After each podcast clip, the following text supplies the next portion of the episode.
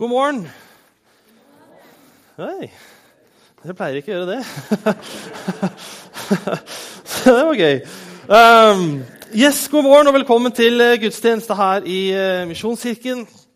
Uh, til dere som er på podkast, hyggelig at dere er med oss, dere òg. Sånn at dere også vet det, så er uh, dagens tekst apostelgjerningene kapittel 4, vers 1-12. Uh, og skal, Jeg skal ikke lese hele den teksten, så gjerne slå opp i Bibelen og følg med der hjemme.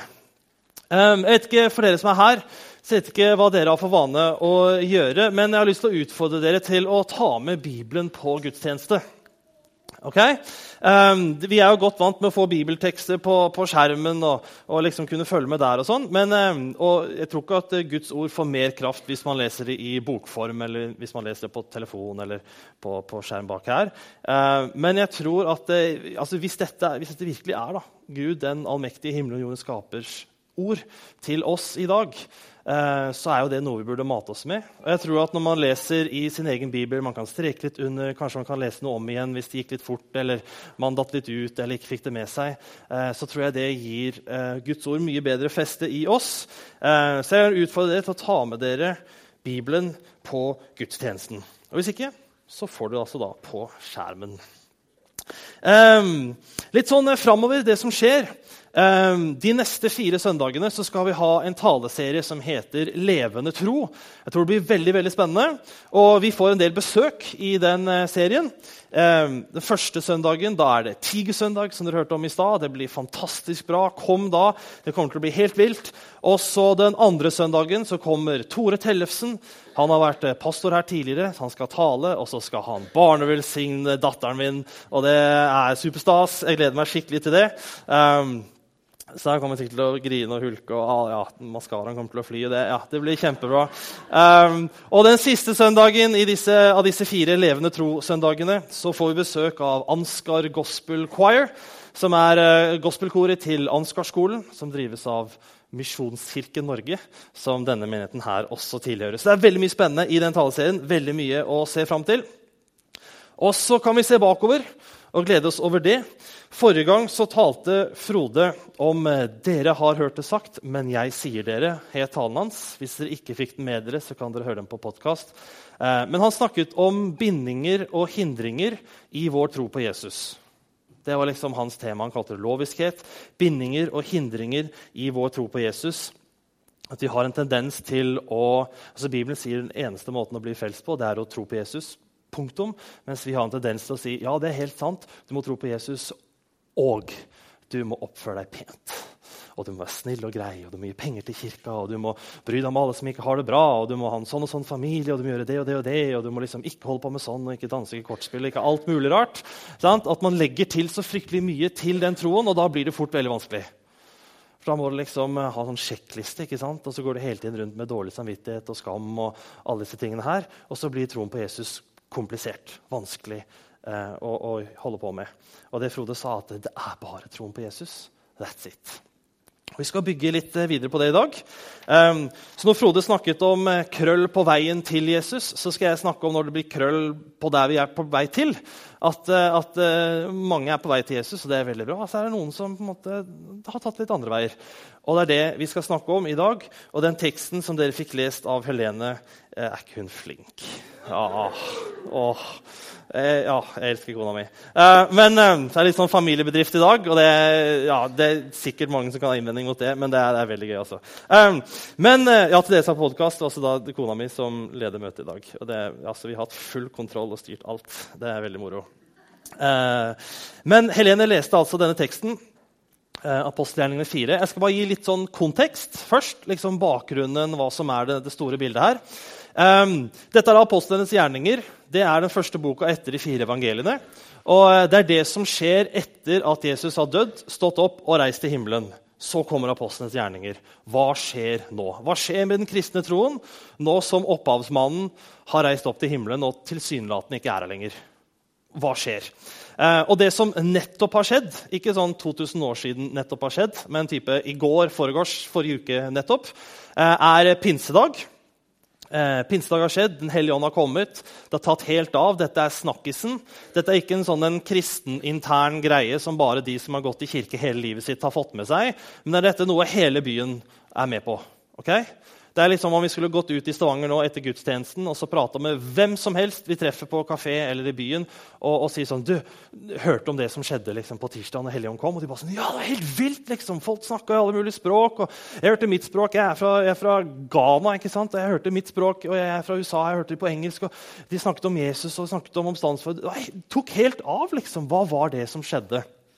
Det er liksom konteksten. Det er det som skjer når den teksten vi jeg leser, inntreffer. Da. Eh, Foranledningen er at Peter og Johannes eh, etter pinsedag har de gått inn på tempelet igjen. Tempelet det lå midt i Jerusalem, hovedstaden Israel. Eh, og De går inn der, og der treffer de en mann som er lam ved en port som heter Fagerporten. Eh, tempelet hadde liksom flere murer rundt seg. og det var porter disse murene. På en av disse portene, den mest trafikkerte Fagerporten, der lå denne lamme mannen. Han ble båret fram hver eneste dag for å tigge for penger der. Og Det står i Bibelen at han hadde vært lam fra mors liv. Altså Han var født lam, alltid vært det. Eh, og Det poengteres også senere at eh, han var faktisk over 40 år. Eh, så vet vi også det. Men Peter og Johannes de treffer denne mannen, og han tigger etter penger. spør dem du har noe, har noe gull eller sølv, er det han spør om, da, men har du noe penger. Eh, og Peter og Johannes sier du, det har vi ikke. Vi, vi, vi, vi er blakke, vi òg. Liksom. Vi har ingenting. Eh, men det vi har, det skal du få. Og så ber Peter for denne mannen, og han blir helbredet. Han blir frisk. Han reiser seg opp og han begynner å gå litt, og så begynner han å løpe rundt. og så begynner Han det så at han løper og skriker og lovpriser Gud. Og, og Dette skaper ganske mye oppstyr. Dette er en befolket plass. Dette er liksom eh, Stavanger sentrum lørdag klokka tolv, og det er 20 grader ute. liksom. Det er, det er, og det er plutselig er det en som alltid har vært lam, som blir frisk og roper rundt og liksom Praise God. ikke sant? og tar helt av. Skaper masse oppstyr. Um, selvfølgelig. Det er lett å lese Bibelen og tenke at ja, ja, men sånn skjedde jo hele tiden. Sant? Folk ble jo bredet i øst og vest. og Det var liksom, det var sånn det var i gamle dager. Eh, det var ikke vanlig. Det var nok like spektakulært da som hvis det hadde skjedd nå. Eller som når det skjer nå. Eh, altså Hvis eh, det har vært en stor forsamling, og så plutselig er det noen som blir helbredet, så er jo det noe å skape oppstyr over. Det er jo ikke vanlig. Så det som skjer er at det samler seg en svær folkemengde rundt Peter og Johannes og denne ikke lenger lamme mannen. Um, og Peter han griper muligheten, og han begynner å tale til dem. Um, og midt i denne talen så skjer det som Helene leste om fra apostelgjerningene 4. Mens, taler, mens Peter taler midt i, uh, så kommer prestene fra tempelet, så kommer sjefen for tempelvakten, og så kommer sadukeerne. Vi kommer litt tilbake til hvem de var. Um, og de arresterer Peter og Johannes, og de hiver dem på glattcelle til dagen etterpå. Og Da blir de ført fram til rådet, eller fram for rådet, og så blir de forhørt om hva det er de har gjort.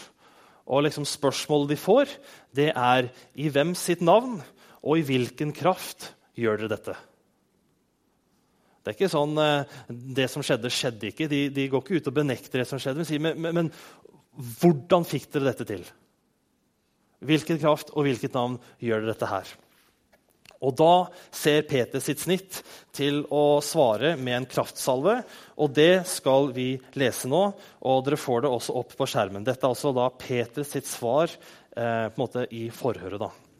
Rådsherrer og eldste i folket. Når vi i dag blir forhørt pga. en velgjerning mot en syk mann, og blir spurt om hvordan han er blitt helbredet, så skal dere alle og hele Israels folk vite dette. Når denne mannen står frisk foran dere, er det i kraft av Jesu Kristi Nazareens navn, han som dere korsfestet, men som Gud reiste opp fra de døde. Han er den steinen dere bygningsmenn vraket, den som er blitt hjørnestein. Og Så kommer liksom kronen på verket. Det finnes ikke frelse i noen annen, for under himmelen er det ikke gitt menneskene noe annet navn som vi kan bli frelst ved. Og Det skal bare la stå og la synke inn. Det Peter eh, svarer rådet på spørsmålet om i hvilket navn og med hvilken kraft gjør det dette her, så er svaret hans Jesus.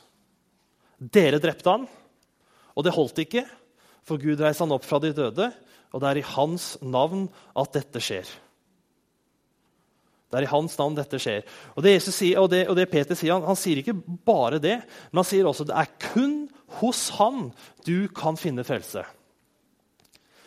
Altså Hvis du leter etter en sånn endelig fred ikke bare noen fred innimellom bekymringene, så fred fram til liksom, neste bekymring inntreffer, men en fred Bibelen beskriver det som en fred som overgår all forstand. Så er det kun én plass du finner det, og det er hos Jesus, sier Peter. Hvis du er ute etter frihet, så er det kun én plass du finner en frihet som varer, og en frihet som er endelig, og det er hos Jesus. Er du ute etter tilgivelse, ikke bare sånn midlertidig tilgivelse eller bare litt tilgivelse, jeg vet ikke hvordan eh, dere har det hjemme, men, eh, men jeg blir tilgitt av kona mi hele tida. Og jeg trenger det. Men av og til, hvis jeg gjør det jeg har blitt tilgitt for, og så gjør jeg det en gang til, så er jeg plutselig ikke så tilgitt for det som skjedde tidligere allikevel. At det er lett å liksom, Jeg vet ikke om du noen gang har tilgitt noen. Jeg tilgir deg liksom, det, det, du sa, det såra meg, men jeg tilgir deg. Vi legger det bak oss. Jeg skal ikke holde det mot deg. Og så skjer det en gang til, og så drar du opp. Ja, men i går så sa du. Og så drar du det opp igjen. Eh, men hvis du er ute etter en tilgivelse som er endelig og dekker alt, så finner du det kun hos Jesus. Er du ute etter en nåde som er gratis, ikke bare billig eller dyr, for en saks skyld, men en nåde som er gratis, så finner du det kun hos Jesus. Er du ute etter en kjærlighet som faktisk er ubetinget? Er, jeg, tror har, jeg, tror ikke vi klarer å forstå engang hva det egentlig betyr. Eh, fordi vi er så ekstremt betingede i vår kjærlighet. Men en kjærlighet som er ubetinget, så finner du kun én plass, og det er hos Jesus. Det er Peter sitt svar til rådet. Og det er jo fantastisk forkynnelse. Det er ærlig, det er direkte, det er sant. Det er, går ikke en centimeter rundt grøten. Snakker ikke om alle de andre viktige tingene som man kan snakke om. Men det er Jesus. Gutta, skjønn det. Hele folket, hele Israel. Alle dere, skjønn dette her. Det er Jesus. Det er plassen der dere finner det dere søker etter. Um, foruten å være god forkynnelse så skal vi se litt på hvem det er Peter sier dette til. Og da skal du få opp uh, et bilde på skjermen her. Saddukere, øverstepresten og rådet. Uh, det var de som han pratet til. Sadukeerne er altså et eh, politisk parti på Jesus, eh, Jesu tid.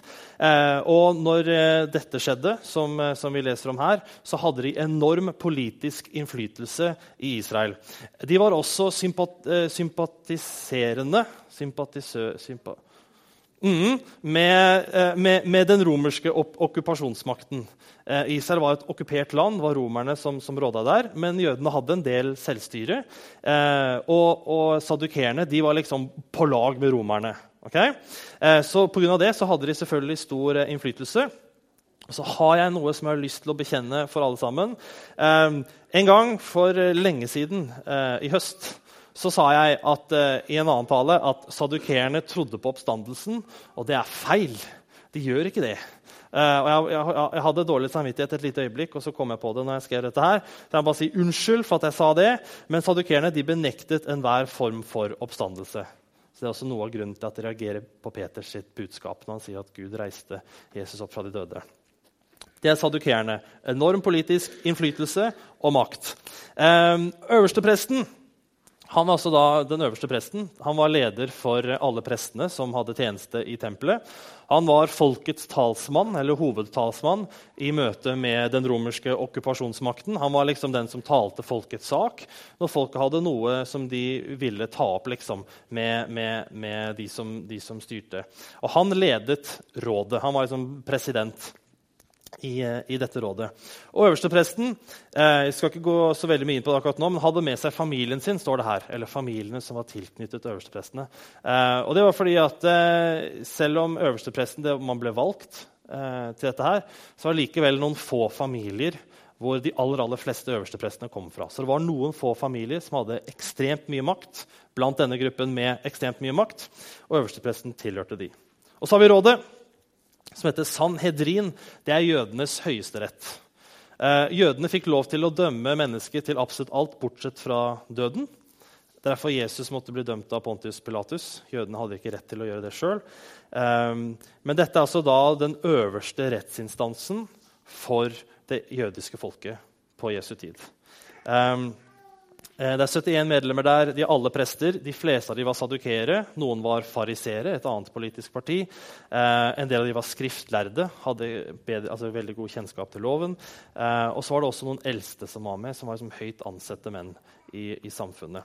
Så de Peter prater til, det er alle som har betydelig makt, innflytelse og rikdom i Israel. Alle som var noe, er de Peter prater til. Okay? Og disse har makt til å gjøre absolutt alt til han, bortsett fra å drepe han. Og sånn som vi så med Jesus, så, så fikk jo det gjennom også. Og til de så sier altså Jesus det er kun frelse hos Jesus. Nei, han sitter i rådet. Unnskyld. Unnskyld meg. Han sier det finnes ikke frelse noe annet sted. Det finnes ikke frihet, fred, kjærlighet, tilgivelse, evig liv, trygghet, godhet. Du finner det ikke andre plasser enn hos Jesus.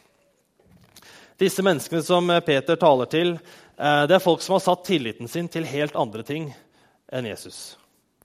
De har satt eh, tilliten sin til den makten de har, til posisjonen de har, innflytelsen de utøver, til eh, pengene, rikdommen de har, til familien sin, til å ha de rette relasjonene, eller gode relasjoner med de rette menneskene. Nettopp for å få mer makt, innflytelse og penger osv. De har satt sin tillit til å sikre arven. Altså at mine barn og mine barnebarn de skal, de skal også på en måte ha del i dette her. Og det er det jeg stoler på. Så når det stormer, så er det dette som skal holde. Når det stormer, når det blir vanskelig, så er, det, så er det denne makten som jeg har. Det er disse pengene jeg har, det er den innflytelsen jeg har, den posisjonen jeg har, eh, den respekten jeg nyter i samfunnet. Det er det som skal holde.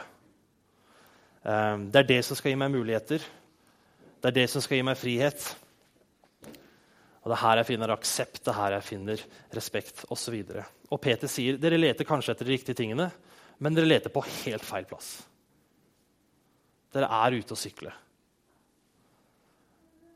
Dere leter kanskje etter de riktige tingene, men dere leter på feil plass. Um, Bibelen som Guds ord er veldig sentralt i den kristne tro. Uh, og Bibelen taler til alle, eller hadde en lærer på Ansgar, den skolen jeg snakket om i stad. Der studerte jeg teologi, og jeg hadde en lærer som sa at Bibelen taler til alle mennesker, alle steder, til alle tider og i alle situasjoner alle mennesker til alle tider, alle steder og i alle situasjoner. Altså, det finnes ikke en tid, en kultur, et samfunn, en familie, en livssituasjon, en erfaring, en følelse, en tanke som gjør at Bibelen ikke lenger er relevant. Det er ingenting du kan være borti eller oppleve eller føle eller tenke eller kjenne på eller være en del av som gjør at Bibelen ikke lenger er relevant for det du står i. Um, og jeg tror at uh, Bibelen prøver å fortelle oss noe, eller Gud prøver å fortelle oss noe med denne teksten. her. For jeg tror at Når Peter sier til disse menneskene som søker andre steder enn Jesus, at det er kun hos Jesus, folkens, Jesus er netteplassen, så tror jeg han eh, snakker til oss. Eh, for jeg tror vi òg har en tendens til å lete på litt feil plass. Jeg og har et sånn flott formulert spørsmål her. Leter du på feil plass? Ja, jeg var i det dype hjørnet i går kveld. når jeg skrev dette. Uh, men jeg tror vi alle sammen vi leter etter noe, vi søker etter noe. Uh, kanskje er det lykke. Uh, når jeg leser nyheter og ser på TV, og sånn, så virker det som at tilfredsstillelse er noe som er, som er ganske inn å lete etter for tiden. Å bli tilfredsstilt. og at man har liksom behov, eller man skaper noen behov, eller tror man har noen behov, og så skal man liksom tilfredsstille de. Kanskje er det lykke, kanskje er det fred. Eh, kanskje er det frihet fra ting som tynger, fra stress, fra bekymringer, fra ting som binder deg. Kanskje er det frykt, angst. Eh, kanskje lete etter kjærlighet, altså en intim relasjon med noen andre. Eh, kanskje du leter eh, etter eh, muligheter. Åh, jeg har så lyst til å måte, ha mulighet til å gjøre så mye. Jeg har lyst til ha mulighet til å gjøre det ene og det andre og få til sånn og få til sånn, og oppleve det og erfare det og føle sånn. Men jeg tror vi alle leter etter noe. Um, og Hvis man ser på mennesker som ikke er kristne, så leter de, de leter overalt. De leter etter penger, f.eks. Hvis jeg bare får mer penger, så får jeg større frihet. Jeg får uh, mer, flere muligheter. Jeg kan gjøre mer. Kanskje det, jeg har mindre bekymringer, mindre stress, mindre problemer. Eh, og så tror jeg man, de finner det. Jeg tror man kan finne kjærlighet og fred og frihet osv. Jeg tror man kan finne andre steder hos Jesus. Men da er det kortvarig, eller det er midlertidig. Eh, eller det varer liksom bare litt. Eller det er bare, liksom bare skyggebilder av hva man egentlig kan få? At man får fred, men bare inntil neste bekymring inntreffer. Og at uh, man får muligheter inntil man ser at jeg vil ha noe annet, noe mer, som jeg ikke lenger har råd til. Og så uh, kan vi se litt på kristne folk. da. Og så er det ikke alltid det ser så fryktelig annerledes ut. At eh, liksom jobben min da, inntekten min, pengene mine, huset mitt, eiendelene mine, det jeg har av verdier, det er, liksom, det er det jeg har min trygghet i. Også hvis det går dårlig med familien eller går dårlig med, på venner eller går dårlig med fotballaget, eller liksom andre ting, så, så, så, så, har jeg Jesus. Men liksom, hvis jeg skal være trygg, så må jeg ha penger, jeg må ha inntekt, jeg må ha jobb, jeg må ha hus. jeg må ha liksom, disse tingene, jeg må ha bil. Eller kanskje er det familie, venner, gode relasjoner. Det er dette det er dette jeg trenger. Det er Jesus for alt det andre, men liksom, hvis jeg skal føle meg elsket og føle meg akseptert og respektert og sett og hørt, så er det familie og venner og gode relasjoner. Det er det jeg trenger. Og så Jesus for, for, for, for alt det andre. At vi søker etter Jesus og en del andre ting. Jeg har bare lyst til å gjøre det helt klart. Eh, jeg vil ikke, eller jeg mener ikke, jeg tror ikke, jeg er fullstendig overbevist om at kristne mennesker eh, Det er helt greit å ha jobb. Det er helt greit å, å, tjene penger, det er helt greit å ha familie og, og venner. Og, og liksom, det er helt greit å heie på fotballag. Det er, liksom, det, er, det, er, ikke det jeg sier at vi må slutte med det. Okay? Men det er noe med hvor er det du søker etter freden, kjærligheten, friheten, nåden, tilgivelsen, livet? Den virkelige rikdommen. Hvor er det du søker etter det? Og leter du kanskje på feil plass? Um, Frode som sagt, han snakket om at av og til så kan vi krølle til veien til Jesus. Vi kan gjøre det vanskelig for oss selv eller kanskje omstendigheten eller livet som byr på en utfordring som gjør at det er vanskelig for oss å tro på Jesus. Det er vanskelig for oss å komme oss til den plassen der vi kan finne de tingene vi leter etter. Um, og Av og til så kan det være vanskelig å vite måte, vi kan bli litt forvirret, vi kan komme litt eh, på feil kurs, kanskje, eller vi har plotta inn feil på GPS-en, og, og, så ender vi opp på annen, et annet sted enn hos Jesus. Men det finnes kun én plass der du får virkelig fred og frihet og tilgivelse. og alle disse tingene jeg snakket om, og Det er kun én vei å komme dit. Og de gode nyhetene er at vi vet hvor det er, og vi vet hvordan man kommer seg dit. Og det er troen på Jesus, og det er hos ham. Og det er det. Um, jeg har delt mange ganger hvordan eh, jeg ble kristen. Jeg var 19 år gammel da det, da det skjedde. Um, men, eh, men, litt før det så var jeg tenåringsgutt. Og som tenåringsgutt så var det én ting jeg var skikkelig flink til, og det var å slappe av. Uh, jeg vet ikke Hvor mange av dere har hatt eller har liksom tenåringsgutter hjemme? Har hatt eller har. Opp med hånda dere som har hatt sønner, eh, eller kanskje vi skal ta med døtre, da, som har vært tenåringer. Eller er det nå? Vi er vanvittig dyktige på å slappe av. Det var, liksom, det var fotball, så var det film, og så var det spise, og så var det sove, og så var det repeat. Det var liksom, så gjør vi alt det en gang til, og det var livet. Hæ? Ingen bekymringer. Hele livet hadde vi foran oss. Sant? Det var herlig. Alle muligheter var åpne. Vi kunne jobbe i oljen, for der var det masse muligheter. og Vi kunne bli ditten og vi kunne bli datten. Og hvis vi ikke hadde lyst til noen ting, så kunne vi gå på Nav, og det gikk også fint. Altså, Vi hadde alle muligheter åpne. Vi kunne gjøre absolutt det vi ville. Vi hadde mulighet til å fikse karakterene våre så at vi kunne komme inn dit vi ønsket. Og, og alt var bra. Vi, ikke hadde vi gjeld. sant? Vi bodde gratis hjemme, og vi spiste gratis hjemme. og Mamma og pappa var glad i oss, og vi kunne gjøre masse galt, og så var de glad i oss allikevel. Og liksom, det, var, det var så deilig. Sant? Sånn var jeg som tenåringsgutt. Skulle tro jeg visste hva fred var. Sant? Ikke bekymringer og har alt jeg trenger. og kan se på fotball og film og spise og sove. Så kan jeg gjøre det en gang til, og så er det det. liksom. Skulle tro jeg visste hva fred var. Så var det sånn at eh, Livet mitt gikk ikke helt sånn som jeg hadde tenkt eller håpet. og um, endte opp med at eh, jeg ble kristen. altså Foreldrene mine skilte seg, og det skapte litt kaos i, i mitt liv. Og så um, ble jeg kristen som 19-åring. Og kvelden jeg ble kristen, så ba jeg en bønn jeg hadde vært på et møte, et ungdomsmøte, jeg hørt lovsang, jeg hørt en tale, og så ba jeg en bønn som var jeg husker ikke hvordan det var, men det var veldig enkelt. En sånn der, Kjære Jesus, jeg tror på deg. Kan du tilgi mine synder? Jeg vil følge deg. Amen. Det var liksom veldig sånn enkelt. Um, og jeg fant ikke på sjøl engang. Jeg sa det samme som han på scenen sa. Uh, og når jeg sa det, sa amen, så fikk jeg oppleve virkelig fred. Og eh, jeg har eh, ofte delt dette med ungdommer, så pleier jeg liksom å si at jeg sammenligner med å trekke ned i do.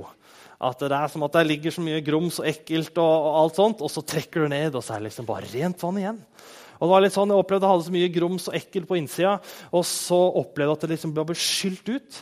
Og så ble det erstattet med en fred. Og jeg visste ikke det da, men etter hvert som jeg hadde lest litt mer i Bibelen, så, så leste jeg at, det, det at Gud han gir oss en fred som overgår all forstand.